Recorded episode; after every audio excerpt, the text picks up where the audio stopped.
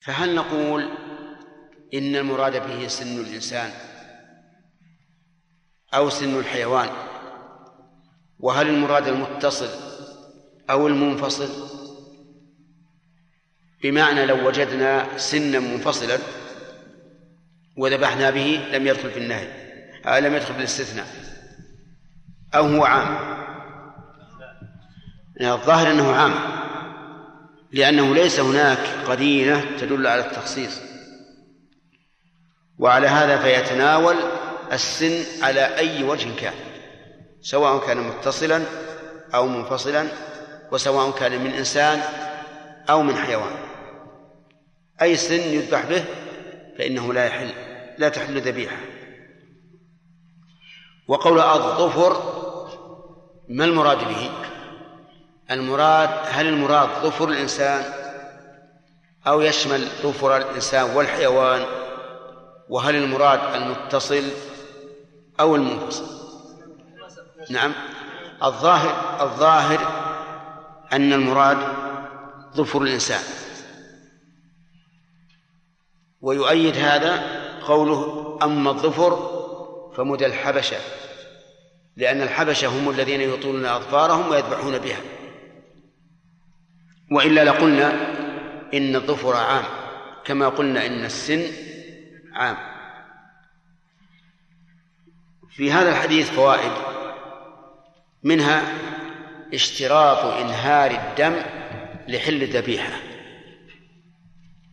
وجه ذلك ما أن الرسول عليه الصلاة والسلام علق حل الأكل على إنهار الدم. والمعلق على شرط لا لا يتم إلا بوجود ذلك الشرط فلا بد من انهار, من إنهار الدم. وهذا أصرح حديث فيما يجب فيما يجب قطعه عند الذبح. وهذه المسألة اختلف العلماء رحمهم الله هل يكفي إنهار الدم بدون قطع الحلقوم والمري؟ أو لا بد من قطع الحلقوم والمري؟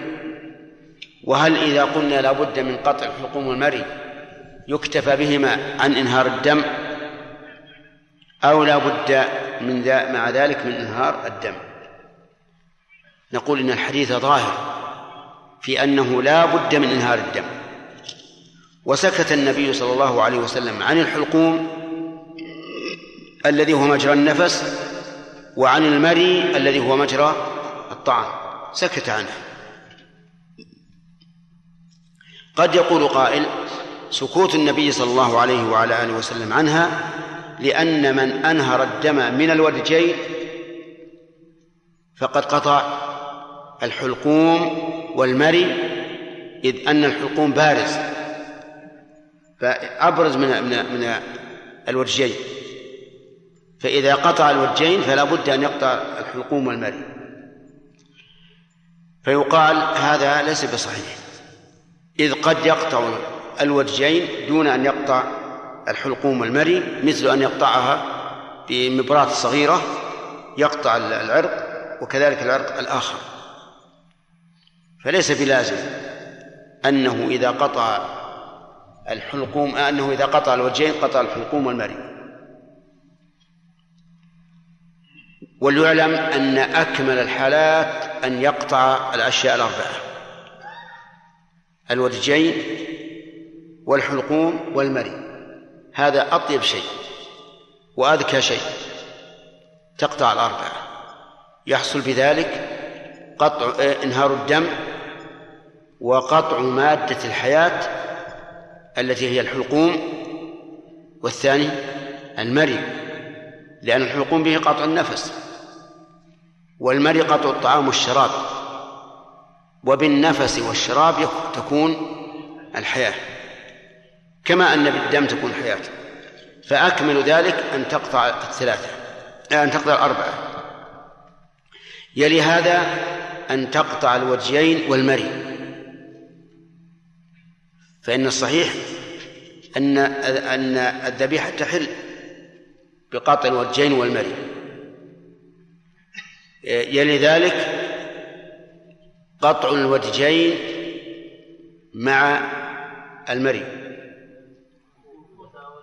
لا أنا أنا أردت الحلقوم ترى. في الصورة الأولى نعم. أنا أردت الحلقوم أن يقطع الوجهين والحلقوم هي المرتبة الثانية. الثالثة أن يقطع الحلقوم أن يقطع الوجهين والمري وهذه صعبة. لأن المري داخل الحلقوم يعني تحته. لكن قد قد يكون مثل الإنسان رمى ببندقية وأصابت الوجهين يعني رماها لأنه غير قادر على ذبحها أو قادر ولكن أصاب الوجهين والمري. المهم أنه يكون هذا هو المرتبة الثالثة. المرتبة الرابعة قطع الوجهين فقط. قطع الوجهين فقط وهذا أيضا تحل تحل ذبيحة. إذا قطع الوجهين فقط. الدليل أن في ذلك إنهارا للدم. ولهذا إذا قطع الوجهين فإنه يراهما يشخبان دما. المرتبة الخامسة أن يقطع المري والحلقوم دون الوجهين ففي حل ذلك خلاف والمشهور من المذهب أنه أنها تحل وأن الشرط هو قطع الحلقوم والمري وإن لم يقطع الوجهين لكن القول بالحل هنا فيه نظر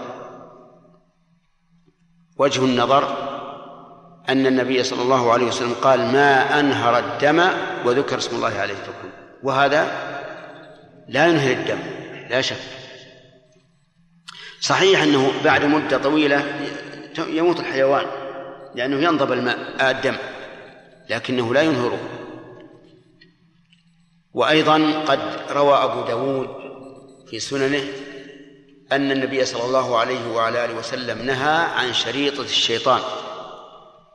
وهي التي تذبح ولا تفرى الأوجاج. وهذا الحديث وإن كان فيه مقال لكنه يشهد له حديث ما أنهر الدم وذكر اسم الله عليه فكل. الخامس السادسة أن يقطع الحلقوم وحده أو المريء وحده. نخليها صورة صورتين في صورة أو صورة واحدة أن يقطع الحلقوم وحده فقط. فهذه لا تجزي. قولا واحدا حتى على المذهب لا تجزي. السابعة أن يقطع المري وحده فهذه أيضا لا تجزي. لا, لا تجزي أيضا. إيش بقي عندنا؟ أن يقطع أحد الوجهين. فهذه أيضا لا تحل. لأنه لا يحصل بذلك انهار الدم. فصار عندنا أكمل أكمل الحالات في الذكاء أن يقطع الأربع الوجهين والحلقوم والمري من فوائد الحديث أنه لا بد ها؟ كيف؟ ليش؟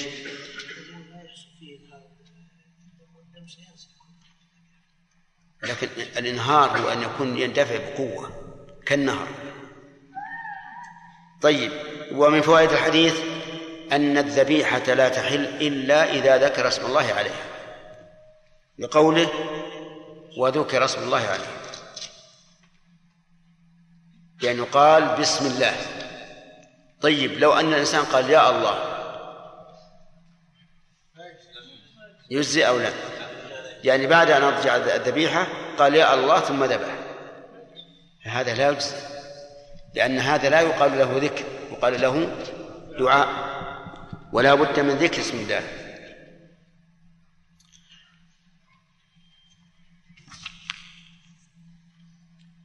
ومن فوائد هذا الحديث أنه إذا نسي اسم الله أي نسي أن يذكر اسم الله عليه فإنه لا يحل.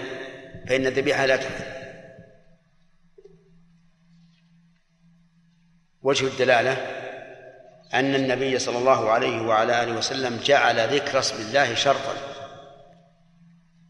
والشرط لا يسقط بالنسيان. ولأن الله تعالى قال في القرآن الكريم ولا تأكلوا مما لم يذكر اسم الله عليه.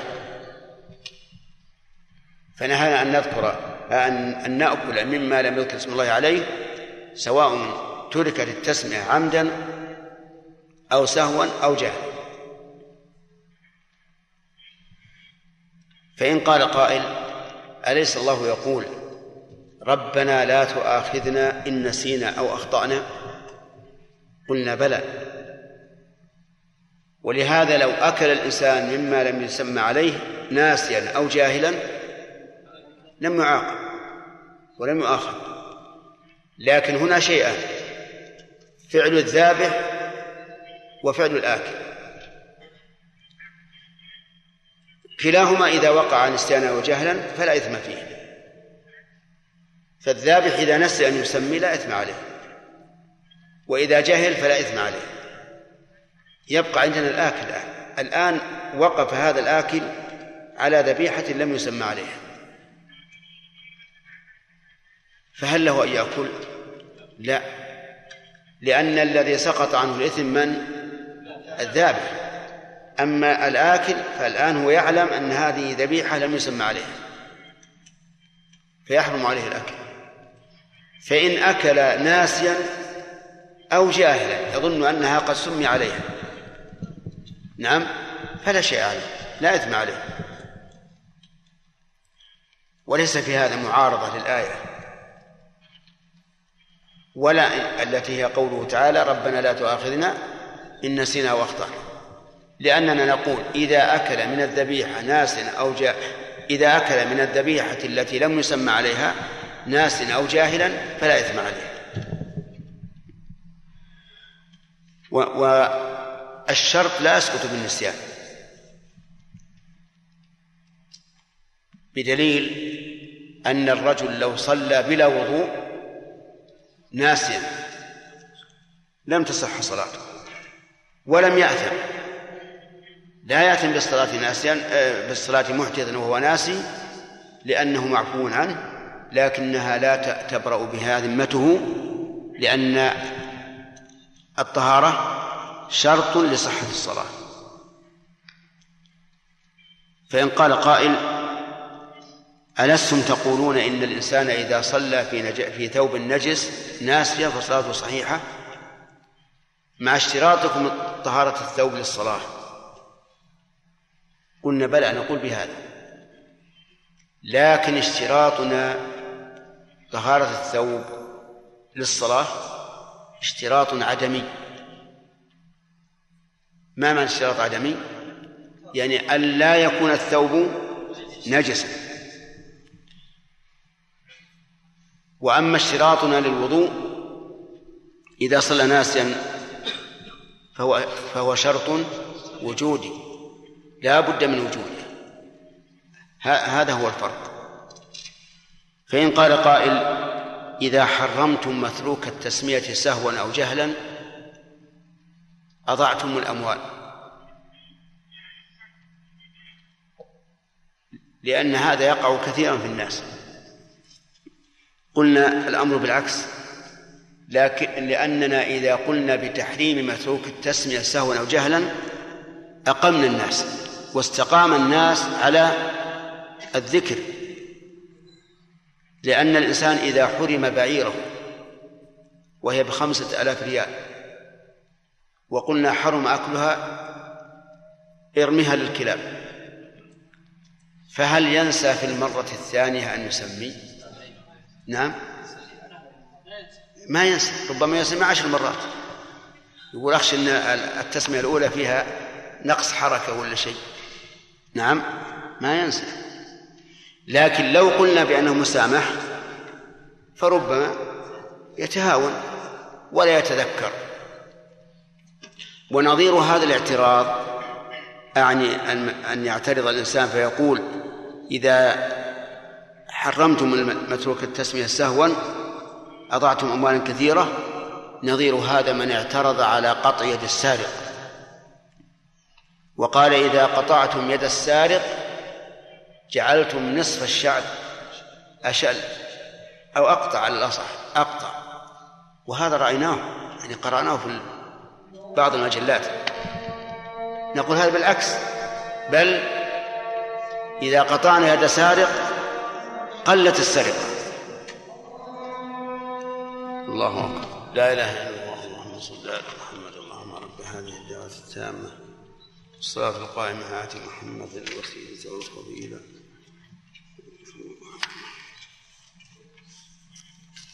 نعم يا خالد. ذكر اسم الله عز وجل. قلنا إنه إيش؟ اسم خاص بالله عز وجل. يذكر نعم. أي اسم خاص بالله. نعم. الأسماء التي ليس خاصه بالله مثل الرؤوف إيش؟ مثل الرؤوف. نعم. يسمى به غير الله عز وجل. لأن لأن يذكرها ذاكر وهو يريد غير الله. افرض أن رافضيا قال باسم علي. أو باسم العلي مثلا.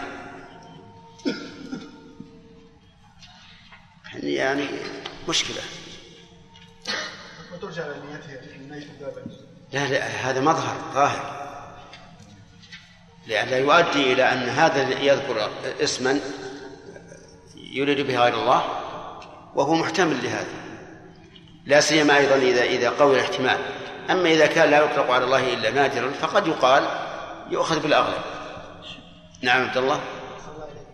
فلا نقيد السن والكفر بما بكونه سن الإنسان وكفر الإنسان؟ وأن يكون متصلا لأن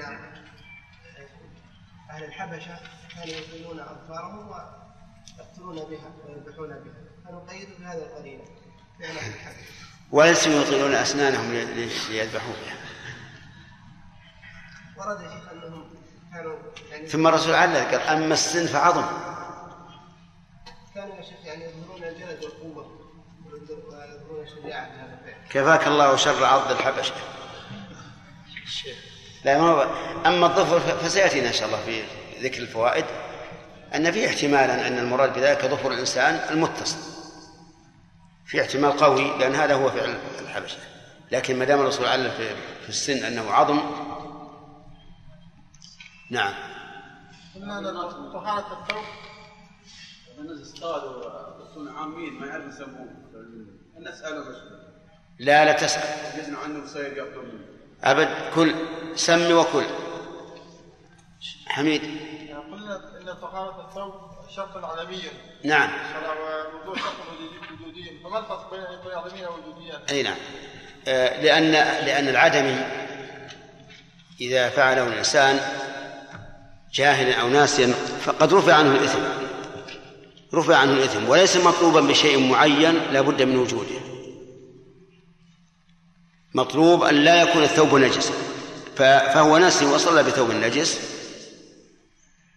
يعفى عنه. وإذا عفي عنه ارتفع عنه الإثم والفساد. لكن الشيء الوجودي لابد أن يوجد لابد من وضوء مثلا. فإذا صلى بغير وضوء ناسيا ارتفع الإثم لكن لابد أن يتوضأ. واضح؟ المطلوب أن لا يكون لا لا. لا العدم م- م- مطلوب عدمه والوجود مطلوب وجوده. فالوضوء مثلا مطلوب وجوده. النجاسة مطلوب عدمه. نعم. انتهى الوقت. إننا في هذه الليلة ليلة الثامن والعشرين من شهر ربيع الآخر نبتدئ العام الدراسي مع ابتداء المدارس العامة ونسأل الله تعالى أن يجعله عام خير وبركة عام تحصيل وعمل ودعوة لله عز وجل. فإن هذا هو فائدة العلم وثمرته أن يعمل الإنسان بما علم وأن يدعو إلى الله تعالى بما علمه من شرعه. كما قال الله تعالى قل هذه سبيلي أدعو إلى الله على بصيرة. أنا ومن اتبعني. والواجب على المؤمن أن يدعو إلى الله تعالى بالحكمة والموعظة الحسنة والجدال بالتي هي أحسن لأن هذا أقرب إلى حصول المقصود حيث إنه امتثال لأمر الله تبارك وتعالى وكل شيء فيه امتثال أمر الله فإنه خير وبركة وعبادة في نفس الوقت سواء أثمر أم لم يثمر.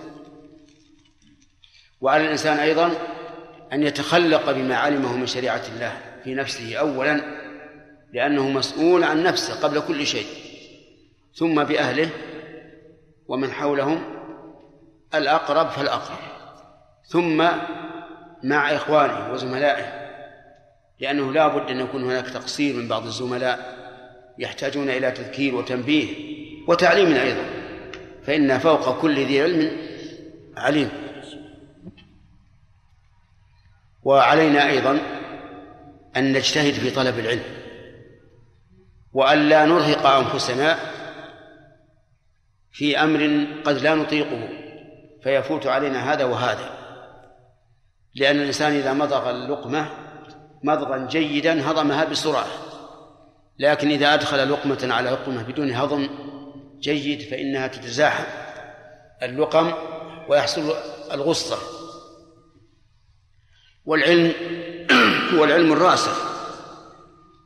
ليس العلم الذي بس يأخذه الإنسان آه، هكذا بدون أن يتأمل ويتأنى ويبحث ويناقش.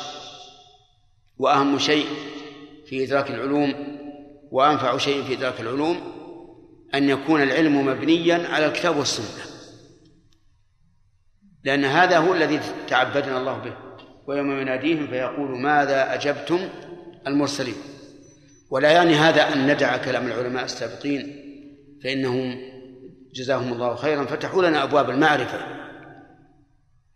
ومن المهم أيضا أن يكون علمك مبنيا على قواعد. قواعد وضوابط لأن القواعد والضوابط تجمع للإنسان المسائل الفردية والجزئية. أما من أخذ المال أما من أخذ العلم مسألة مسألة فإنه كالذي يلقط الجراد تطير جرادة وتبقى أخرى. لكن الذي يبني على الأصول هذا هو طالب العلم حقا. وقد جربنا وجرب غيرنا أن البناء على الأصول هو العلم. حتى يكون الإنسان إذا وردت عليه مسائل فردية وما أكثرها يردها إلى إلى الأصول. أولا من الكتاب والسنة ثم من قواعد من القواعد المعروفة في الشريعة لأن في الشريعة قواعد عامة انبنت عليها وهي تحصيل المصالح بحسب الإمكان وتقليل المفاسد بحسب الإمكان. ومن تأمل النصوص الشرعية في هذا وجدها كذلك. فنجد أن الله حرم بعض الأشياء لأن مفسدتها أعظم وإن كان فيها مصلحة لكن مراعاة للأكثر. ولا يصح أن نقول إذا تعارض مفسدة ومصلحة قدم جانب المفسدة وأن درء المفاسد أولى من جلب المصالح على الإطلاق. بل هذا مقيد بما عرفناه من قبل وشرحناه وهو ما إذا تساوت. فإن تقدم المفاسد لأنها أسلم. نعم فإنه يقدم درء المفاسد لأن ذلك أسلم. أما مع ترجح المصلحة فتقدم المصلحة وتنغمر المفسدة فيها.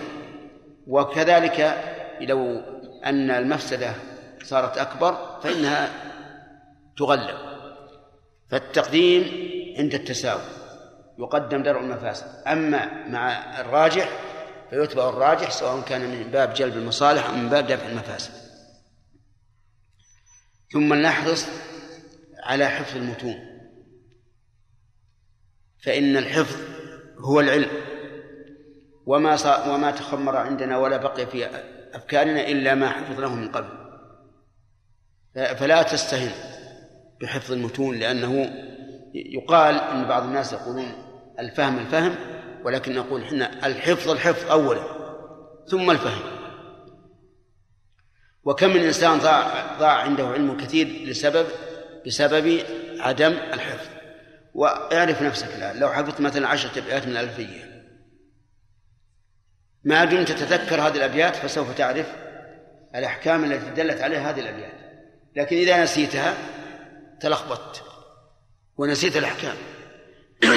وإن كنت بالأول متقنها ولكن لم تحفظ فإنه سيطير عنك العلم. فالحفظ الحفظ. ومن المعلوم أن أول ما نحفظ هو كتاب الله عز وجل. ثم ما تيسر من سنة النبي صلى الله عليه وسلم ولنحرص على أن نحفظ الأحاديث الصحيحة. حتى لا يحتاج الإنسان فيما بعد عند سياقها استدلالا بها إلى مراجعة الأصول ليتبين له الصحة. ومن ثم ألف بعض العلماء في الأحاديث الثابتة في الصحيحين مثلا مثل عمدة الأحكام. وألف آخرون أحاديث منها الأصول الستة ومن غيرها لكن بينوا درجاتها. مثل بلوغ المرام. وألف آخرون آه، كذلك لكنهم لم يتكلموا على السند ومرتبة الحديث اعتمادا على بحث الطالب حتى يتعود الطالب نفسه في بحث الأحاديث إسنادا ومتنا ونسأل الله لنا ولكم الهداية والاستقامة إنه على كل شيء قدير. نعم. يقول اقتراح وهو تفسير ما هو ساقط من الأشرطة من سورة البقرة ويكون هذا في يومين في يومين. التفسير بين ذا والإقامة. لاحتياج الناس لذلك لما فيها من من من أحكام. ولقد تشاورنا مع الدكتور سليمان بن خيل على القيام بإخراج التفسير. قال ما عندنا مانع إذا إذا يعني يقول فضيلة الشيخ كلفنا بذلك. والله موفق. ما تقول بهذا الاقتراح؟ إيه بس البقرة كلها شيبة كم الساقط؟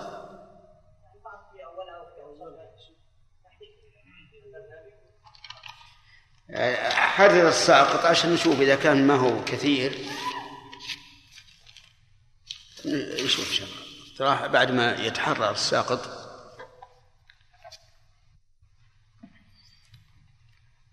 الغامدي بسم الله الرحمن الرحيم قال نقل المؤلف رحمه الله تعالى في باب الصيد والذبائح. عن رافع بن خديج رضي الله عنه عن النبي صلى الله عليه وسلم قال ما أنهر الدم وذكر اسم الله عليه فكل ليس السن والظفر. أما السن فعض وأما الظفر فمدى الحبشة. متفق عليه. وعن جابر بن عبد الله رضي الله عنهما قال نهى رسول الله صلى الله عليه وسلم أن يقتل شيء من الدواب صبرا رواه مسلم. وعن شداد بن أوس قال قال رسول الله صلى الله عليه وسلم إن الله كتب الإحسان على كل شيء فإذا قتلتم فأحسنوا القتلة وإذا ذبحتم فأحسنوا الذبحة وليحد أحدكم شفرته وليرح ذبيحته رواه مسلم. وعن أبي سعيد الخدري رضي الله عنه قال قال صلى الله عليه وسلم زكاة الجنين زكاة أمه رواه أحمد وصححه ابن حبان. وعن ابن عباس رضي الله عنهما أن النبي صلى الله عليه وسلم قال المسلم يكفيه اسمه فإن نسي فإن نسي أن يسمي حين يذبح فليسم ثم ليأكل. أخرجه الدار قطني وفيه راو في حفظه ضعف وفي إسناده محمد بن يزيد بن ابن سنان وهو صدوق ضعيف الحفظ. وأخرجه عبد الرزاق بإسناد صحيح إلى ابن عباس موقوفا عليه وله شاهد عند أبي داود في مراسيله بلفظ ذبيحة المسلم حلال ذكر اسم الله عليها أم لم يذكر ورجاله موثقون. بسم الله الرحمن الرحيم. نحن في باب الصيد والذبائح. وقد تقدمت أحاديث في هذا الباب. أما الآن فنذكر ما نقله المؤلف عن رافع بن خديجة رضي الله عنه. إيه؟ شرحنا ما كم من الفوائد؟ قال قال رسول الله صلى الله عليه وسلم إذا ذكر ما أنهر نعم ما أنهر الدم وذكر اسم الله عليه فكل ليس السن والظفر أما السن فعظم وأما الظفر فمدى الحبشة. أولا في في إشكال في الإعراب وهو قوله ليس السن والظفر فلماذا لم تكن مرفوعة على أنها اسم ليس؟ يقولون إن هذه يعني ليس في هذا المكان وما أشبهه أداة أداة استثناء واسمها محذوف وجوبا. ف وعلى هذا فنقول ليس فعل ماضي وهو أداة استثناء وإن شئنا قلنا السن مستثنى كما نقول ذلك في فيما بعد إلا أو نقول اسمها مستتر وجوبا والسن خبرها. والسن بي بين الرسول عليه الصلاة والسلام أنه عظم العلة فيها أنه عظم والظفر العلة فيها أنه مدى الحبشة وتكلمنا على ذلك. أليس هكذا؟ طيب إذن الفوائد. من فوائد هذا الحديث أنه لا بد لحل الذ- الذبيحة من إنهار الدم. لقوله ما أنهر الدم ولكن هل هو من أي مو... من من أي موضع؟ لا لأنه لا يمكن إنهار الدم إلا من موضع واحد وهو آه الرقبة وهو الرقبة لأنها مجمع العروق وي- ويكون إنهار الدم بقطع الودجين وهما العرقان الغليظان المحيطان بالحلقوم ومن فوائد هذا الحديث أنه إذا حصل إنهار الدم حلت الذبيحة وإن لم يقطع الحلقوم والمري. وهذا هو القول الراجح. والمسألة فيها أقوال متعددة تبلغ إلى ستة أقوال ولكن كلها ليس عليها دليل واضح إلا هذا القول أن الواجب هو قطع الودجين لأن بهما انهار الدم. لكن لا شك أن الأكمل أن يقطع ال- ال- الأجزاء الأربعة وهما الودجان والحلقوم والمري. الحلقوم مجرى النفس والمري مجرى الطعام والشراب. ومن فوائد هذا الحديث أنه لا تحل الذبيحة إلا إذا ذكر اسم الله عليها. لقوله وذكر اسم الله عليه لأن وذكر اسم الله عليه هذه معطوفة على الشرط. والمعطوف على الشرط يكون شرطا مثله. والجواب قول فكل. واختلف العلماء في هذه المسألة فمنهم من يقول إنه إذا نعم فمنهم من يقول إن التسمية سنة وليست بواجبة. فإذا ذبح وسمى فهو أكمل وإذا ذبح ولم يسمي فالذبيحة حلال ولو كان عمدا. ومنهم من قال إنها واجبة التسمية ولكنها تسقط بالسهو والجهل. لقول الله تعالى ربنا لا تؤاخذنا إن نسينا أو أخطأنا.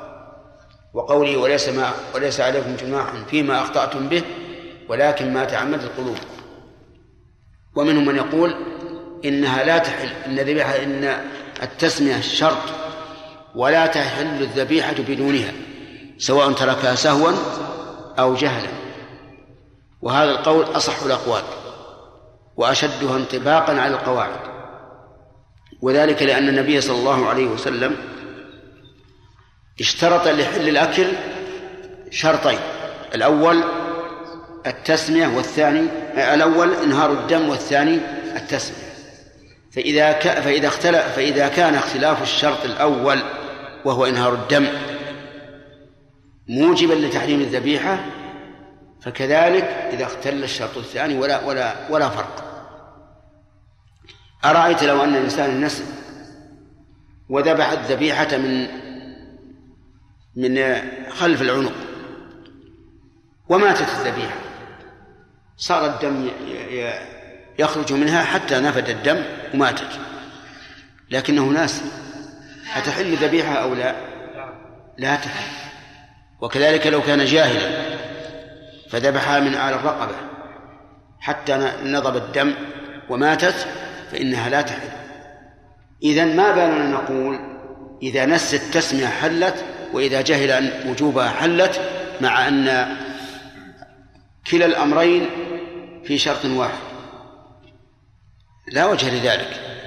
وأما قوله قوله تعالى ربنا لا تؤاخذنا إن نسينا وأخطأنا فنقول نعم لا يؤاخذ الإنسان إذا ذبحها بدون تسمية جاهلا أو ناسيا. وليس الشأن بالذبح الآن. ما إحنا لا نتكلم عن الذبح. الذبح إذا كان ناسا أو جاهلا فإنه لا يأثم به بلا شك. الكلام على الأكل. هذا الذي يأكلها عالما ذاكرا غير مكره قد تعمد المعصية. لقول الله تعالى ولا تأكلوا مما لم يذكر اسم الله عليه. ولهذا لو أن الإنسان أكل من هذه الذبيحة التي لم يسمى عليها جهلا أو نسيانا فلا شيء عليه فلا شيء عليه. لأن هناك فرق لأن هناك فرقا بين الذبح الذي هو فعل الذبح فعل الذابح وبين الأكل الذي هو فعل الآكل. فهما حكمان مفترقان. فالذبح إذا تعمد الإنسان ترك التسمية فإنها لا تحل ولا إشكال. لو نسي أو جهل فإنها لا فإنها فإنه ليس ليس عليه إثم لأنه ناسي. أو جاهل لكن يبقى الآكل إذا أراد يأكل. قيل له هذه ذبيحة لم يسمى الله عليها. إذا أكل فقد تعمد مخالفة قول الله تعالى ولا تأكلوا مما لم يذكر اسم الله عليه. وإذا تأمل الإنسان المسألة وجد أن هذا هو الصواب من وجهين أولا لظاهر النصوص وثانيا لأنه أقرب إلى القواعد. لأن الشرط لا يسقط سهوا ولا جهلا. ولذلك لو أن الإنسان صلى صلى بلا بلا وضوء جاهلا. هل تصح صلاته؟ لا. ولو صلى بغير وضوء ناسيا لم تصح صلاته. وهكذا شأن الشروط. يقول بعض الناس إنه لو قيل بتحريم ما نسي ذكر اسم الله عليه لا أدى ذلك إلى ضياع أموال كثيرة لأن الإنسان يقع كثيرا في الناس. فإذا قلنا هذه البعير التي تساوي عشرة آلاف عشرة آلاف نسي أن يسمي الله عليها. نقول هي حرام. كيف نتلف هذا المال العظيم؟ نقول لأن الله لأنه لم يكن مالا الآن. حينما نسي أن يسمي الله عليه لم يكن مالا بل صار ميتا. ولا إضاعة فيه. ثم إنه فيما لو لو أراد أن ينحر بعيرا مرة أخرى هل ينسى؟ نعم. أبدا لن ينسى. وأظنه سوف يذكر اسم الله وهو مقبل على البعير قبل أن يبدأ بالنحر. لأنه يذكر الحالة الأولى. وما هذه العلة إلا كتعليل قولهم آه كتعليل بعضهم قطع يد السارق بأننا لو قطعنا يد السارق لزم إيش؟ أن يكون نصف المجتمع أشل نقول هذا خطأ. لو إذا قطعنا يد سارق امتنع أمة تريد السرقة. ومثل أيضا من قال القصاص وهو قتل النفس بالنفس يؤدي أيضا إلى كثرة الأموات والقتلى. نقول هذا غير صحيح. فإن الله يقول ولكم في القصاص حياة يا أولي الألباب. من فوائد هذا الحديث هذا التأثير العظيم في التسميع. لا تحل الذبيحة إلا بها مما يدل على بركة اسم الله عز وجل وأنه يؤثر حتى في في في نتائج الأعمال وثمراتها. وهل هناك شيء يجب ذكر اسم الله عليه؟ الوضوء على قول كثير من العلماء. يجب أن يسمي عند الوضوء وقاس عليه بعض العلماء الغسل والتيمم. وكذلك آه، يجب على القول الراجح عند الأكل والشرب لأنه إذا لم يسمي الله عند أكله وشربه شاركه الشيطان في ذلك. ومن فوائد هذا الحديث أن الأمر يستعمل بمعنى الإباحة. وذلك فيما إذا كان الحظر متوهما.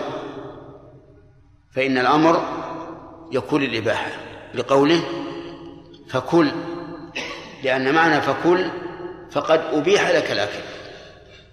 وليس المعنى أن الإنسان يلزم بأن يأكل أو يندب له أن يأكل من الذبيحة. ولكن المعنى أنه رفع عنه المنع. ومن فوائد هذا الحديث أن التذكية بالعظم والسن غير صحيح ولو كان جاهلا. نعم. ولو كان جاهلا. فلو أن إنسانا ذبح أرنبا بعظم حاد وأنهر الدم فإنها لا تحل. لماذا؟ لأن الآلة غير شرعية مستثنات ليس السن والظفر طيب فإن قال قائل لو ذبح بسكين مغصوبة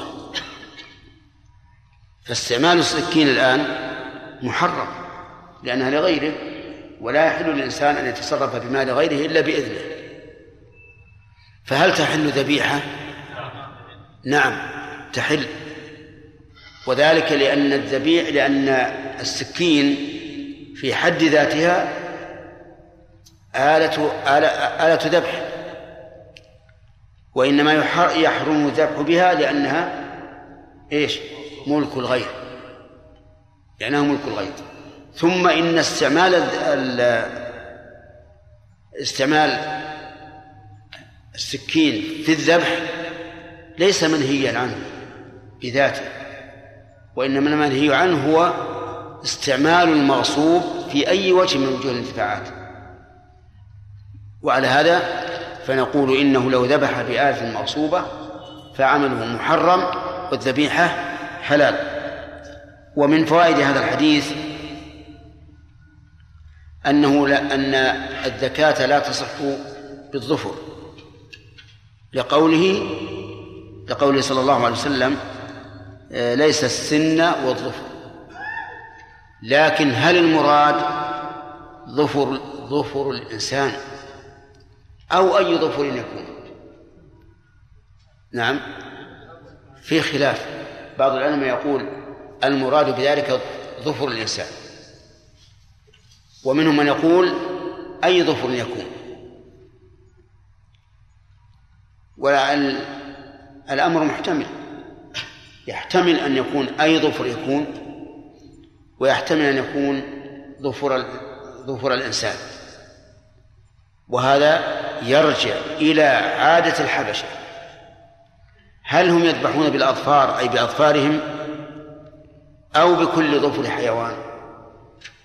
الظاهر الأول وأن المراد ظفر الآدمي لأن استعمال الظفر آلة للذبح يستلزم أن يبقيه الإنسان ولا يقلمه. وهذا خلاف إيش؟ خلاف الفطرة التي فطر الله الخلق عليها. فإن تقليم الأظفار من الفطرة. وإذا كان الإنسان يستعمله للذبح يقول خلها تبقى عشان إذا وجد وجدت حيوانا وليس معي مدية أن أذبح بالظفر فيكون في ذلك مخالفة لما تقتضيه الفطرة. ومن فوائد هذا الحديث أنه لا يحل الذبح بأي عظم. أنه لا يحل الذبح بأي عظم. من أين يؤخذ؟ من عموم العلة في قوله وأما أما السن فعظم. أما السن فعظم. وذهب بعض أهل العلم إلى أن هذه العلة قاصرة وأن العلة مجموع الأمرين أنه سن وأنه عظم. وإنما حرم حرمت الزكاة بالسن الذي هو عظم لأن ذلك يشبه افتراس الذئب والسباع. والإنسان منهي عنه منهي أن يتشبه بالسباع والذئاب. والذين رجحوا هذا القول قالوا لو كان الأمر للعموم لكان النبي صلى الله عليه وسلم يقول ليس العظم فلا يخص السن فكونه يخص السن ثم يقول هو عظم يدل على أن هذا جزء العلة وليس هو العلة كاملة. ولكن القول الثاني في هذه المسألة يقول إن المراد جميع العظام وأن قوله ليس السن والعظم إنما ذكر السن فقط دون بقية العظام لأنه هو الذي كان المعهود في التذكية به. فذكر السن لأن هذا هو المعهود أن أن يذكى به. فلهذا نهى نهى عنه واستثناه. أما الذين والذين قالوا بالعموم أيضا عللوا تعليلا جيدا. قالوا لأن العظم إما أن يكون عظم مذكات أو عظم ميتة. فإن كان عظم مذكات لزم منه العدوان على على الجن. لأن الجن قد جعل النبي صلى الله عليه وعلى آله وسلم لهم ضيافة. فقال لكم كل عظم ذكر اسم الله عليه تجدونه أوفر ما يكون لحما سبحان الله. العظام التي نرميها بعد أن نأكل لحمها يجدها الجن أوفر ما تكون لحما مكسوة باللحم. فيأكلونها. فإذا قال قائل كيف هذا؟ أن نشاهد العظام نطرحها ثم لا نجد عليها لحما؟ قلنا له كن جنيا تجد اللحم. نعم. لماذا؟ لأن الرسول صلى الله عليه وسلم جعلها لحما لمن؟ للجن. أما أنت أنت آدمي وقد أخذت ما ينتفع به منها قبل ذلك وهذا مما يدل على فضل الإنس على الجن أن الجن لا يأكلون إلا فضلاتهم. وهذا من أمور الغيب التي يجب على المؤمن أن يصدق بها. أليس الرسول عليه الصلاة والسلام أخبر بأن الإنسان إذا أكل ولم يسم شاركه الشيطان؟ هل نرى الشيطان؟ أبدا. لا نراه. لكن هذا من أمور الغيب التي يجب علينا أن نصدق بها. ونقول سمعنا وآمنا. ولا نتعرض لأي إيراد يورده الذهن أو أن نجيب عن كل مورد في مثل هذه الأمور إلا بأن نقول هذا خبر من رسول الله صلى الله عليه وسلم وخبره صدق. آه، طيب إذا كان لحم إذا كان عظم غير مذكات فإنه يكون نجسا. والنجس لا يليق أن يكون سببا للذكاة والتطهير. الذكاة تطهر الحيوان. فكيف تكون آلة التطهير نجسة؟ هذا خلاف الحكمة. ولذلك نقول إذا كانت العظام نجسة فوجه العلة أنها لا أنه لا يليق أن يكون الشيء النجس بذاته سببا لتطهير غيره. الظفر كما قال الرسول عليه الصلاة والسلام مدى الحبشة. فهل نقول كل سكين للحبشة لا يذبح بها إلا الحبشة؟ فإنه لا تجوز بها كما قلنا في قوله وأما السن فعظم. نعم لا لأن هذا بيان للواقع. وقد علمنا فيما سبق أن ما كان قيدا لبيان الواقع فإنه لا مفهوم له. وعلى هذا فلو قدر أن هناك سكاكين لا يستعملها إلا الحبشة. فهل نقول إنه يحرم علينا أن نذكي بها وأن لو وأن لو ذكينا بها لكانت لكانت المذكات حراما؟ الجواب لا. ثم قال وعن جابر بن عبد الله رضي الله عنه. ما؟ كيف؟ لا. إي نعم انتهى نعم. إيش؟ أي نعم يدخل القرد مما يباح الزكاة به. لكن بشرط أن تنهر الدم. اما أما ان أن تمصعه مصعا ما ما يستقيم. لكن إذا كان حادا وذبح به أجزأ. نعم. هل التسمية على الذبيحة مؤقتة بوقت أم غير مؤقتة؟ مثلا رجل إذا مر الحيوان في الطريق إلى المذبح وسمى عليه. ثم نسي في وقت إذا التسمية على إيش؟ انتبه لعلى على الاستعلاء. والعلو على الشيء يقتضي ملاصقته. اليد. تأخذ نعم. تضع رجلك على الرقبة وتمسك بالرأس وتذبح وتقول بسم الله. في هذا الوقت الوقت لابد تقديمها بيسير لا بأس لو مثلا الإنسان عندما عالجها سمى ثم هي جعلت آه، تعاكسه حتى بقي دقيقة أو دقيقتين في المعالجة لا بأس. لكن يسمي عليها ثم بعد بعد مدة يذبحها ما- ينفع. نعم. كالعصفور بعضهم يقطع رقبة باليد بدون الأخرى يمسعها مصعا ما يجوز. هذا لا يحل. لابد من انهار الدم. لا بس انهارها على غير الوجه الشرعي. ولا كان يقول حتى بعد يمكن يوجد أقوياء إذا جاءهم الحمل الصغير من أولاد الظان يمكن يمزع ولا يصح. نعم.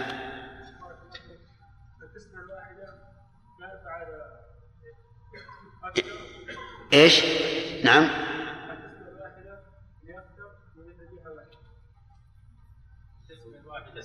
ها التسمية الواحدة كل ذبيحة لها تسمية إلا إذا كانت الآلة إذا حركتها ذبحت عدة ذبائح فيكفي التسمية عند عند آه، تحريك ال- الآلة هذه يعني يوجد الآن في في ال- الذين يذكون ال- الدجاج يضعونها في سلسلة ثم يقول بسم الله ويحرك الآلة وهذه الأمواس تمشي عليه. يكفي هذا. كما لو رمى آه، وأصاب صيدا عددا فإنه تجزئ التسمية الواحدة. نعم.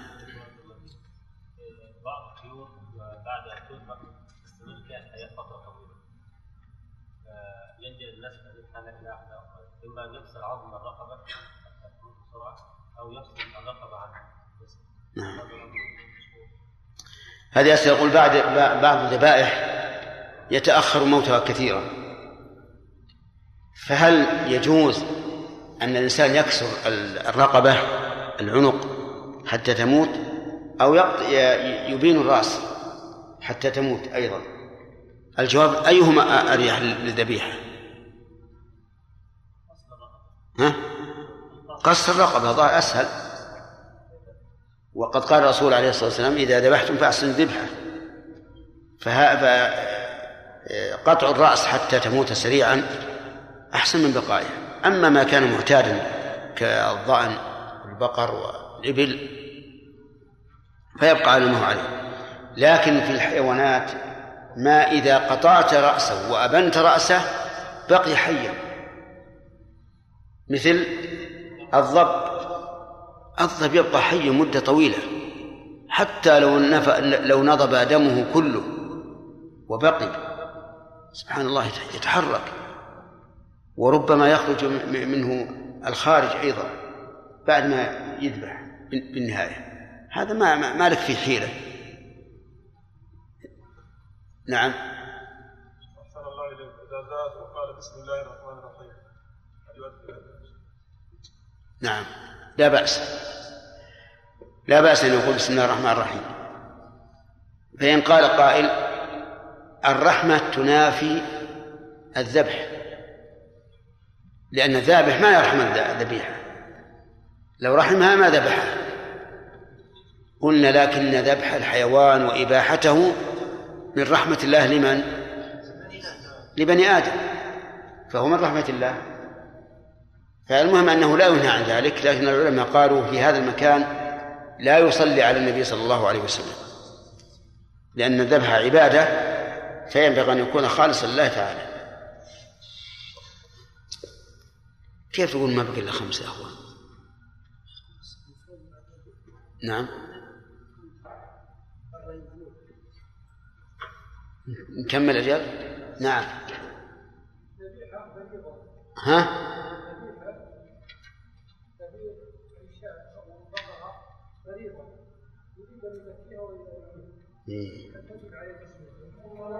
أي نعم. آه، بعد الأذان. بهيمة مريضة وأراد الإنسان أن يذبحها لإراحتها. فهل تحل أو لا؟ نقول ما أنهر الدم وذكر اسم الله عليه فكل. فهي حلال.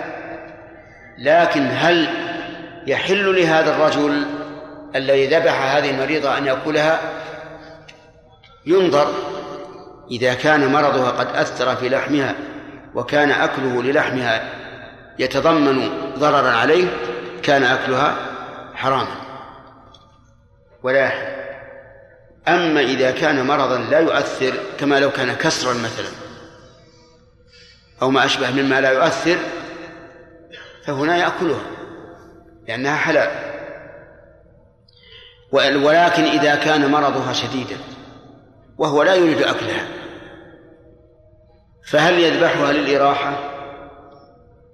نقول إن كان له ولاية عليها فليذبحها ولا حرج لأن أدنى ما في ذلك من المصلحة أن يسلم من الإنفاق عليها لأنه يجب ينفق عليها. فلو كان فلو كانت البهيمة حمارا مريضا أو مكسورا. واعلموا أن كسر الحمار من المرض الذي لا يرجى بره من المرض الذي لا يرجى بره لأن الحمار إذا انكسر ما يمكن يجبر إطلاقا. فهل نقول في هذه الحال يقتله ليستريح منه وليرح الحيوان؟ الجواب نعم.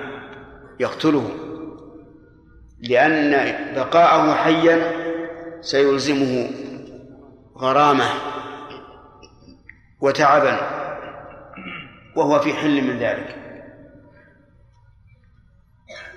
وبقي في حديث رافع فائدة تضم إلى ما سبق وهي حسن تعليم الرسول عليه الصلاة والسلام حيث كان يذكر الحكم وعلته. وذكر العلة مع الحكم أمر مطلوب. خصوصا إذا كان فيما يشكل حتى يزول ما في النفس من الإشكال. لأنه قد يقول قائل ما الذي أوجب أن نستثني العظم والظفر مما ينهر الدم؟ فأراد النبي صلى الله عليه وسلم أن يزيل هذا الإشكال. ففي ذكر العلة طمأنينة للمخاطب وراحة وأحيانا يكون فيها فائدة أيضا وهي أنه إذا كانت هذه العلة متعدية فإنها تكون مفتاحا لباب القياس. مثل قول الرسول عليه الصلاة والسلام إذا كنتم ثلاثة فلا يتناجى اثنان من دون الثالث من أجل أن ذلك يحزنه. فيستفاد من هذا أن كل شيء يحسن المؤمن فإنه منهي عنه سواء كان بالمناجاة أو أو بغير ذلك. الله أعلم. درس. تسميع ولا طيب. ها؟ اقرأ. عامر. سمعني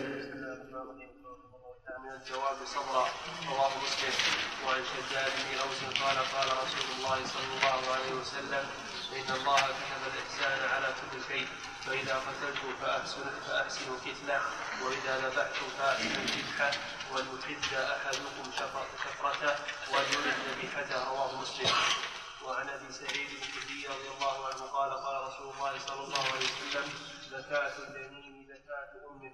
رواه أحمد وصححه ابن حبان. وعن ابن عباس رضي الله عنهما أن النبي صلى الله عليه وسلم قال المسلم يكفيه اسمه فإن نسي أن يسمي حين يذبح فليسمي ثم ليأكل. أخرجه الدار وفيه راو في فكره ضعف وفي إسناده محمد بن يزيد بن سنان وهو صدوق ضعيف الحفظ. وأخرجه عبد الرزاق بإسناد صحيح إلى ابن عباس موقوفا عليه وله شاهد عند أبي داود في مراسيله له ذبيحة المسلم حلال ذكر اسم الله عليها أم لم يذكر ورجاله موثقون. بسم الله الرحمن الرحيم. الحمد لله رب العالمين وصلى الله وسلم على نبينا محمد وعلى آله وأصحابه ومن تبعهم بإحسان إلى يوم الدين. انتهى الكلام على حديث رافع بن خديج وبيان فوائده. أليس كذلك؟ طيب اذا لا حاجة للاعاده فأين الفوائد؟ إيش؟ ذكرنا فائدة. إيش؟ هذا هو. قال وعن جابر وعن جابر بن عبد الله رضي الله عنهما قال نهى رسول الله صلى الله عليه وعلى آله وسلم أن يقتل شيء من الدواب صبرا رواه مسلم. نهى النهي قال العلماء هو طلب الكف على وجه الاستعلاء. عكس الأمر الأمر طلب الفعل على وجه الاستعلاء وهذا طلب الكف أي الترك على وجه الاستعلاء أي أن الناهي يشعر بأنه مستعل على المنهي. هذا هو النهي. وقد مر علينا في الأصول هل النهي المطلق يقتضي التحريم أو الكراهة؟ وبينا أن للعلماء في ذلك ثلاثة أقوال. الأول أنه يقتضي التحريم والثاني الكراهة والثالث التفريق بين العبادات والآداب.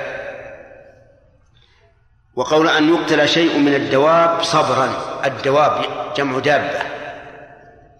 والمراد بها كل ما دب على الأرض. سواء كان حلالا أو حراما. وقول صبرا أي حبسا. والمعنى أنه يحبس ثم يقتل. وهذا كالنهي عن اتخاذ ما فيه الروح غرضا ما فيه الروح غرضا.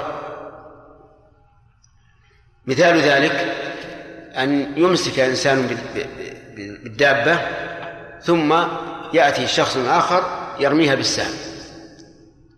هذا منهي عنه لأنه إفساد ولا تحل به هذه المقتولة لأنه مقدور على ذبحها والمقدور على ذبحها لا لا يحلها الرمي بالسهم لأن لأن الرمي في السهم إنما هو لماذا؟ لما لا يقدر عليه وأما ما يقدر عليه فلا بد أن يذبح أن يذبح أو ينحر ففي هذا الحديث أن الدين الإسلامي كما جاء بالرفق بالإنسان فإنه جاء بالرفق بالحيوان. ولهذا نهى النبي صلى الله عليه وسلم أن يقتل شيء من الدواب بصبر ومن فوائده النهي عن إضاعة المال لأن قتل الدواب صبرا إضاعة للمال إذ أنها لا تحل بهذا القتل إذا كانت مما يؤكل فتضيع ماليتها. وإن كانت مما لا يؤكل لكن يركب كالحمير مثلا ضاعت ماليتها أيضا فينهى فينهى عن ذلك. ومن فوائد هذا الحديث أن ما يقدر على ذبحه لا يحل برميه. ولعل المؤلف رحمه الله ساقه في هذا الباب من أجل هذه الفائدة أن كل ما لا كل ما يقدر عليه فلا بد فيه من الذبح أو النحر. الذي لا يقدر عليه يحل بقتله في أي موضع من بدنه كالصيود الطائرة أو العادية وكالذي سقط في بئر ولم نقدر عليه فإنه يصح أن نرميه وفي أي موضع أصابه السهم ومات به يحل. وكذلك إذا ندت الإبل أو البقر أو الغنم يعني هربت وعجزنا عن إمساكها ورميناها حلت في أي موضع كان كانت إصابة السهم. وعن شداد بن أوس رضي الله عنه قال قال رسول الله صلى الله عليه وعلى آله وسلم إن الله كتب الإحسان على كل شيء. إن الله كتبه كتب تأتي بمعنى فرض. كما في قوله تعالى يا أيها الذين آمنوا كتب عليكم الصيام. وقوله تعالى كتب عليكم إذا حضر أحدكم الموت إن ترك خيرا الوصية للوالدين والأقربين بالمعروف. وقوله تعالى وكتبنا عليهم فيها أن النفس بالنفس والعين بالعين. وقوله تعالى كتب عليكم القصاص في القتلى والأمثلة على هذا كثيرة. فقولك كتب الإحسان أي فرضه وأوجبه ويحتمل أن المعنى كتبه أي شرعه فيشمل الفرض والنفل يعني بمعنى أنه يشمل الإحسان الواجب والإحسان المستحب. وقول على كل شيء قيل إن معنى على في أي في كل شيء. وليس هذا ببعيد. وإذا جعلنا على على ظاهرها أنها للاستعلاء صار المعنى على فعل كل شيء. كل شيء يفعله الإنسان في غيره فإنه مفروض عليه الإحسان. قال فإذا قتلتم فأحسنوا القتلة وإذا ذبحتم فأحسنوا الذبحة وهذه وهذان مثالان. وإلا فيكون الإحسان أيضا في غير هذا كالجلد والربط وما أشبه ذلك. فيحسن الإنسان هذا كما يحسن القتل والذبح. إذا قتلتم فأحسنوا القتلة وإذا ذبحتم. ففصل ففرق النبي صلى الله عليه وسلم بين القتل وبين الذبح. فالقتل فيما لا يجوز أكله والذبح فيما يجوز أكله كالبقر والغنم وما أشبهها وقول أحسن القتلة هل الإحسان هو بالتسهيل أي بتسهيل القتل واستعمال أقرب الطرق إلى القتل في السهولة أو المراد بالإحسان موافقة الشرع. نعم الثاني المراد هو الثاني. ولهذا نرى أن الرجل إذا زنى وهو محصن فرجم بالحجارة نرى أن هذا من إحسان القتلة لموافقته للشرع مع أنه لو قتل بالسيف لكان أسهل. وقول القتلة ولم يقل القتلة. والفرق بينهما أن فعله للهيئة وفعله للمرة كما قال ابن مالك رحمه الله في الألفية وفعلة لمرة كجلسة وفعلة لهيئة كجلسة. وعلى هذا فإذا قلت وثب الرجل على المعتدي وثبة الأسد أو وثبة الأسد. وثبة بالكسر لأن المراد الهيئة. أما المرة فهذه تعود إلى نفس الأسد. طيب وعلى هذا فيكون القتلة بالكسر أي هيئة القتل. وإذا ذبحتم فأحسنوا الذبح. يقال فيها مثل مثل مثل ما قيل في قوله إذا قتلتم فأحسنوا القتلة لكن هذه فيما يؤكل. وكذلك إذا نحرتم فأحسنوا النحر وإذا رميتم فأحسنوا الرمي. المهم أن هذا أن هذين مثالان ليس على سبيل الحصر. ثم قال وليحد أحدكم شفرته. اللام هنا لام الأمر. ولهذا جاءت ساكنة بعد الواو. لأن واو الأمر تسك لأن لام الأمر تسكن إذا وقعت بعد حروف ثلاثة وهي الواو وثم والفاء. قال الله تعالى ثم ليقضوا تفثهم وليوفوا نذورهم. وقال تعالى ثم ليقطع فلينظر. هل يذهبن كيده ما يغيظ. وأما لام التعليل فإنها مكسورة بكل حال وإن وقعت بعد هذه الحروف. وبهذا نعرف غلط من يقرأ قول الله تعالى هذا بلاغ للناس ولينذروا به وليعلموا أن ما هو إله واحد. وجه الغلط أنه سكن اللام مع وجوب الكسر. وهذا اللحن هل يغير المعنى؟ نعم يغير المعنى. ولهذا يجب الفتح على الإمام إذا قرأ هكذا. ولينذروا به وليتذكر فيقال ولينذروا به وليذكر. أولو الألباب لئلا يختلف المعنى. وقوله شفرته. الشفرة قيل إنها السكين العظيمة الكبيرة والأظهر أن مراد النبي صلى الله عليه وعلى آله وسلم في هذا مطلق السكاكين يعني سكينة. وقول شفرته أي الشفرة التي يذبح بها سواء أكانت ملكا له أم ملكا لغيره لأن الإنسان قد يستعير السكين ويذبح بها لكنها أضيفت إليه والإضافة تكون لأدنى ملابسة. وليرح ذبيحته. اللام هنا لام. الأخ. قل. أنت. لام الأمر. الدليل على لام الأمر. وليرح. وجه الدلالة؟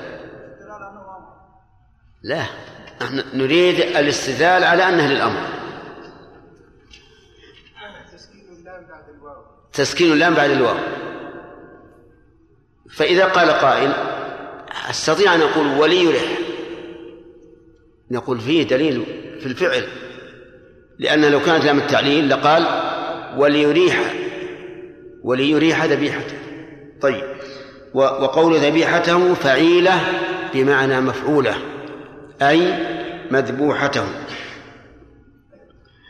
وهل هل الجملتان بمعنى واحد وليحد أحدكم شفرته وليرح ذبيحته؟ لأن حد الشفرة يريح الذبيحة. أو هما معنيان مختلفان.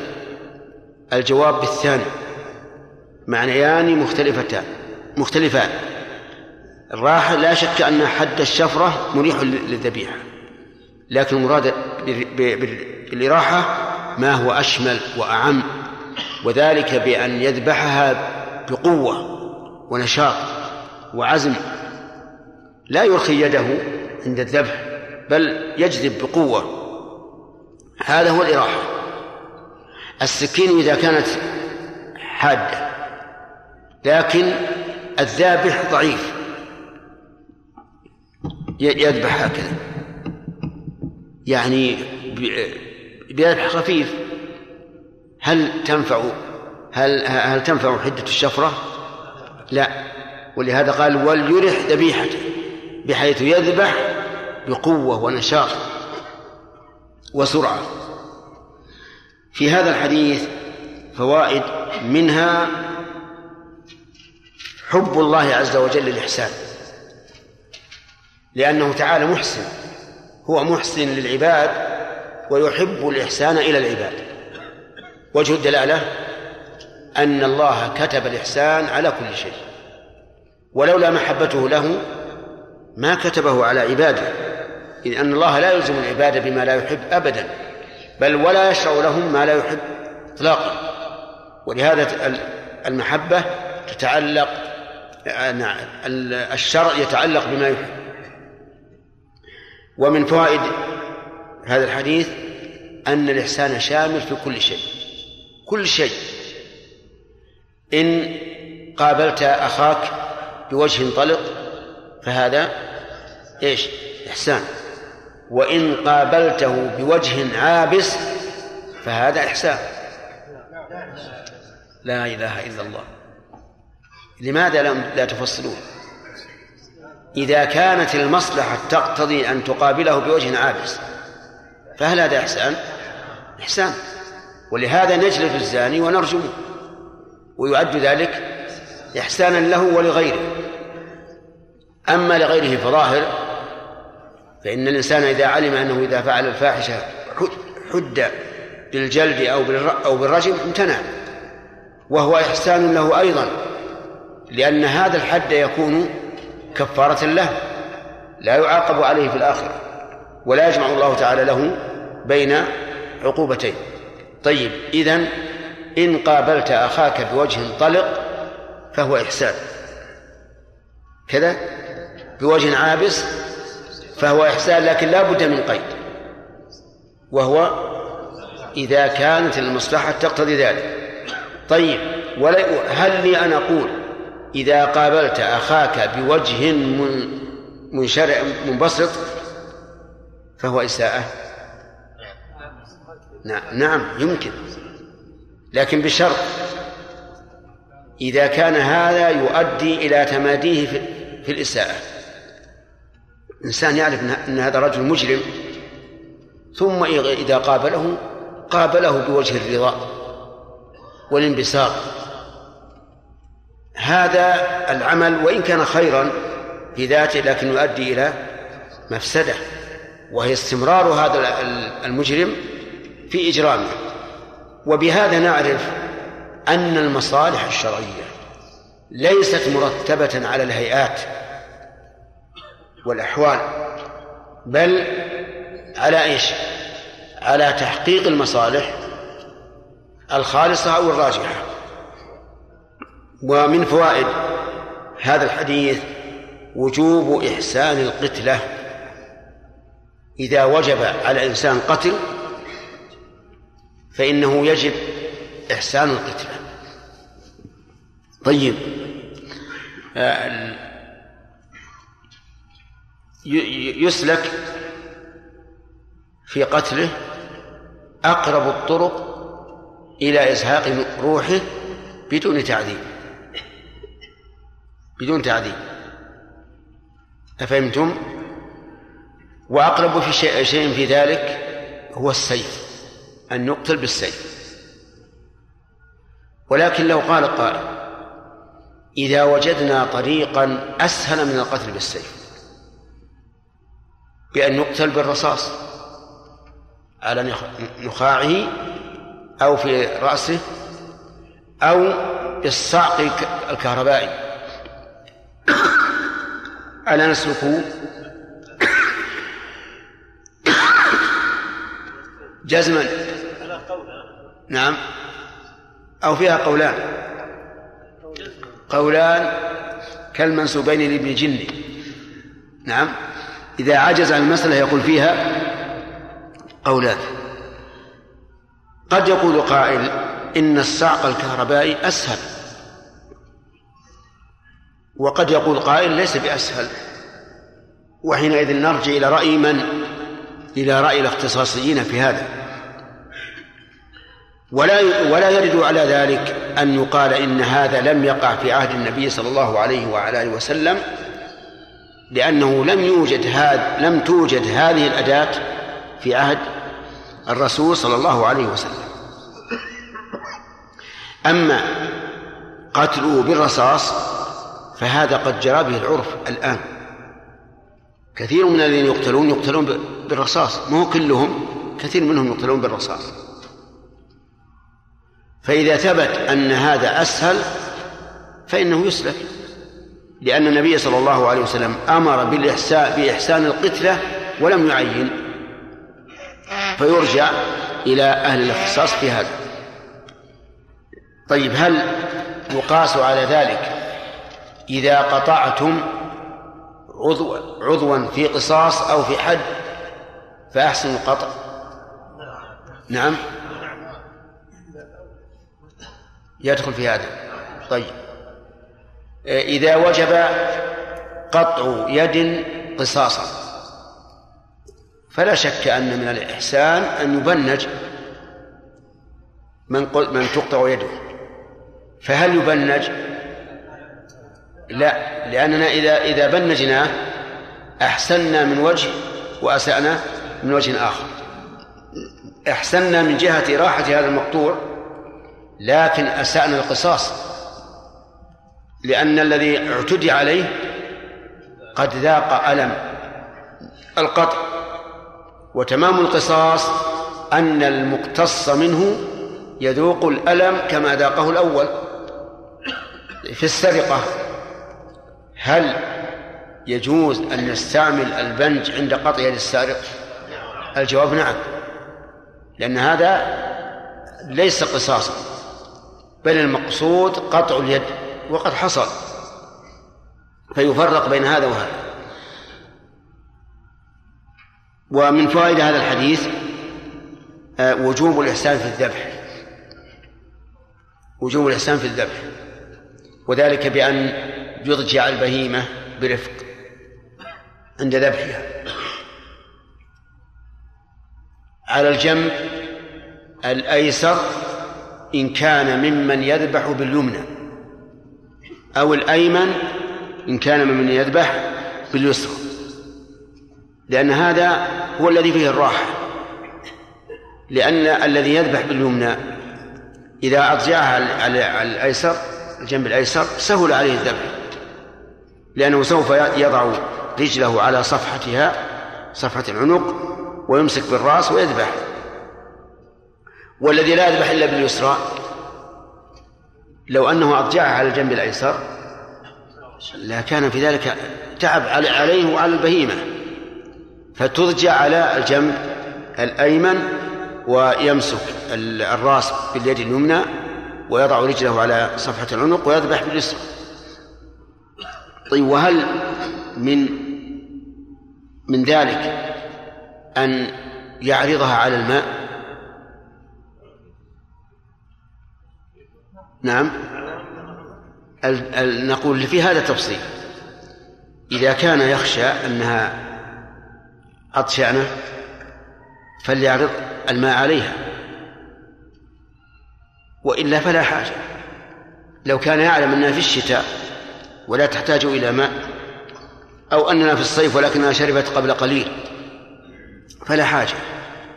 ولهذا لا أذكر أن النبي صلى الله عليه وعلى آله وسلم كان يعرض الماء على الذبيحة إذا ذبحها ولو كان هذا من السنة المطلقة لبينه النبي عليه الصلاة والسلام إما بقوله أو بفعله.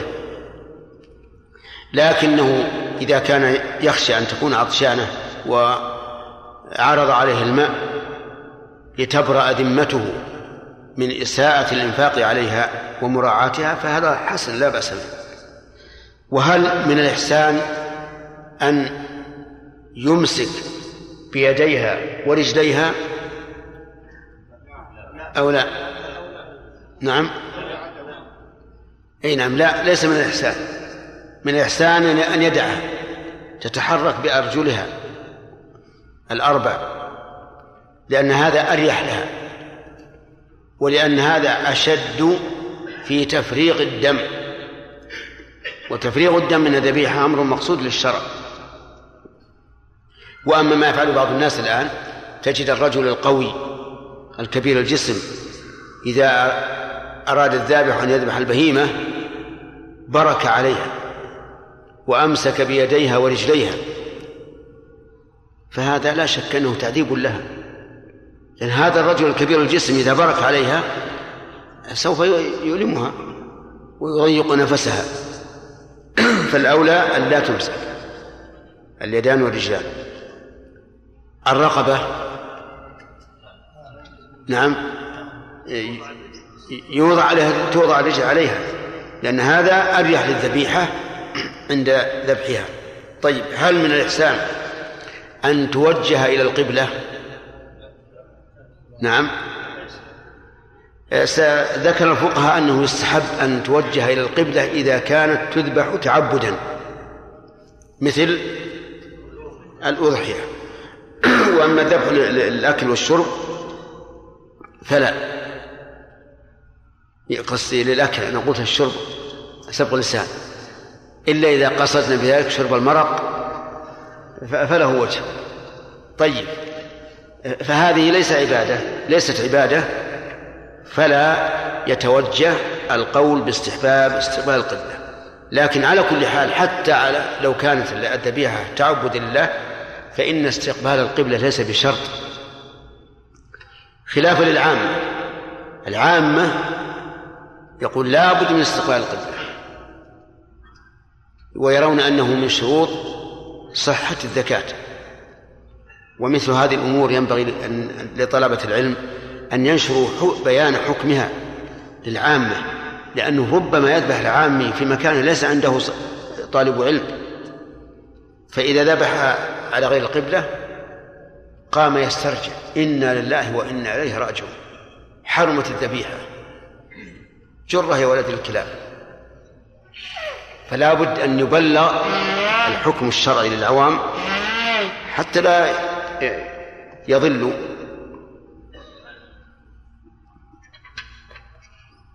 من إحسان الذبيحة أن لا يعجل كسر عنقها أو سلخها قبل أن تموت موتا نهائيا لأن في ذلك تعذيبا لها بدون فائدة. ومن فوائد الحديث وجوب حد الشفرة. لقوله إيش؟ وليحد أحدكم شفرته. وإذا قلنا بوجوب حد الشفرة صار الذبح بشفرة ليست حادة إيش؟ حراما. ولكن هل تحل ذبيحة؟ نعم تحل مع تحريم الفعل لأنه انطبق على عليها قول الرسول صلى الله عليه وعلى آله وسلم وليحي نعم ما أنهر الدم وذكر اسم الله عليه فكل. نعم. ومن فوائد هذا الحديث وجوب إراحة الذبيحة لقوله وليرح ذبيحته فيسلك أقرب الطرق لما فيه الإراحة. لأن الأصل أن إيلام الحيوان محرم. لكن أباحه الله عز وجل لمصلحة العباد. وعليه فنقتصر على قدر الضرورة في إيلامه. ونريح الذبيحة بما ذكرنا لكم قبل أنه أن من إراحتها أن تكون الشفرة حادة ومن إراحتها أن يذبحها بعزيمة وقوة وسرعة. ثم قال عن أبي سعيد الخدري رضي الله عنه قال قال رسول الله صلى الله عليه وعلى آله وسلم زكاة الجنين زكاة أمه.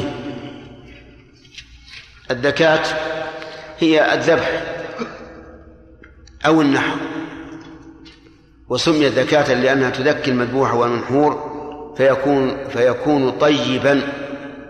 ولو مات هذا المذبوح والمنحور حتف أنفه لكان خبيثا نجسا. وقول الجنين الجنين هو الحمل في البطن سمي بذلك لأنه مستتر.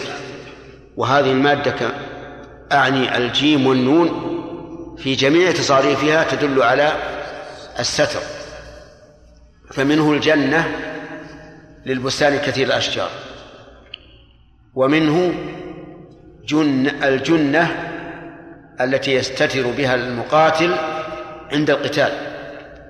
ومنها الجنة وهم الجن لأنهم مستترون عن الأعمى. الجنين هو الحمل لأنه مستتر. زكاة أمه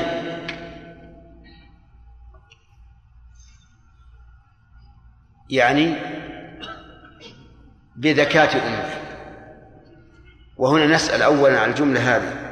هل الخبر زكاة الجنين أو الخبر زكاة أمه. نعم.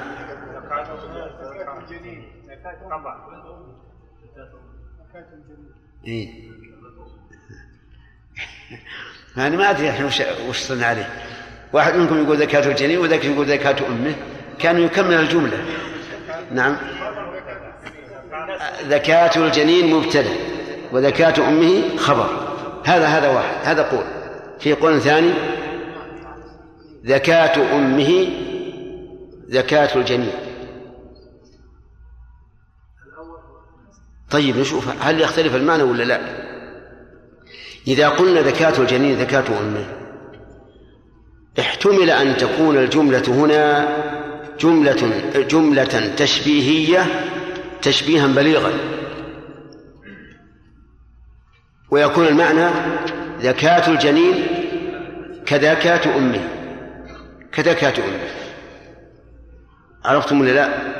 كما لو قلت فلان بحر في الكرم. يعني معناه هذا التشبيه حذفت منه أداة التشبيه. فإذا قلنا فلان بحر صار تشبيها بليغا. وعلى هذا يكون الحديث يحتمل معنيين إذا قلنا إن ذكاة مبتدأ وذكاة أمه الخبر صار الحديث يحتمل معنيين.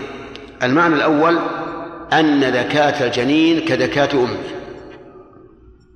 وإلى هذا ذهب أبو حنيفة والظاهرية وقالوا إن الجنين إذا ذكيت أمه فخرج ميتا ولم يذكى صار حراما. لأن مراد الرسول عليه الصلاة والسلام بقول ذكاة الجنين ذكاة أمه مراده أن ذكاة الجنين كذكاة أمه. فهمت؟ ويحتمل أن تكون الجملة على غير التشبيه. أي أي أن ذكاة الجنين بذكاة أمه. بذكاة أمه. ويؤيد هذا أنه جاء في بعض ألفاظه ذكاة الجنين بذكاة أمه. أي أن الأم إذا ذكيت فذكاتها ذكاة لجنينها. لا يحتاج أن يذكى مرة أخرى. هذا إذا قلنا إن ذكاة الجنين مبتدأ وذكاة أمه خبر. إذا قلنا بالعكس ذكاة أمه ذكاة الجنين. إن ذكاة مبتدأ وذكاة أمه وذكاة الجنين خبر. صار المعنى أن ذكاة الأم إيش؟ ذكاة للجنين ولا يحتمل وجها آخر وجها آخر. لكن هذا التقدير فيه إعادة الضمير المتأخر على سابق. فيقال هذا لا يضر. لأن هذا السابق متقدم لفظا ويجوز عود الضمير على متقدم لفظا متأخر رتبة. نعود إلى المعنى إلى التقدير الأول أن ذكاة مبتدأ ذكاة الجنين وذكاة أمه خبر. فنقول من جعل هذا على سبيل التشبيه فإنه فإن عليه ملاحظتين. الملاحظة الأولى إذا قلنا ذكاة الجنين كذكاة أمه. صار المعنى صار الحديث ليس له معنى. صار الحديث ليس له معنى لأنه من المعلوم أن كل حي فإن ذكاته كذكاة الحي الآخر. واضح؟ يكون يكون الحديث عديم الفائدة. كقول القائل السماء فوقنا والأرض تحتنا. وهذا لا شك أنه لا فائدة فيه. ثانيا إذا أخذناه بظاهره قلنا ذكاة الجنين فهو إذا خرج لم يكن جنينا.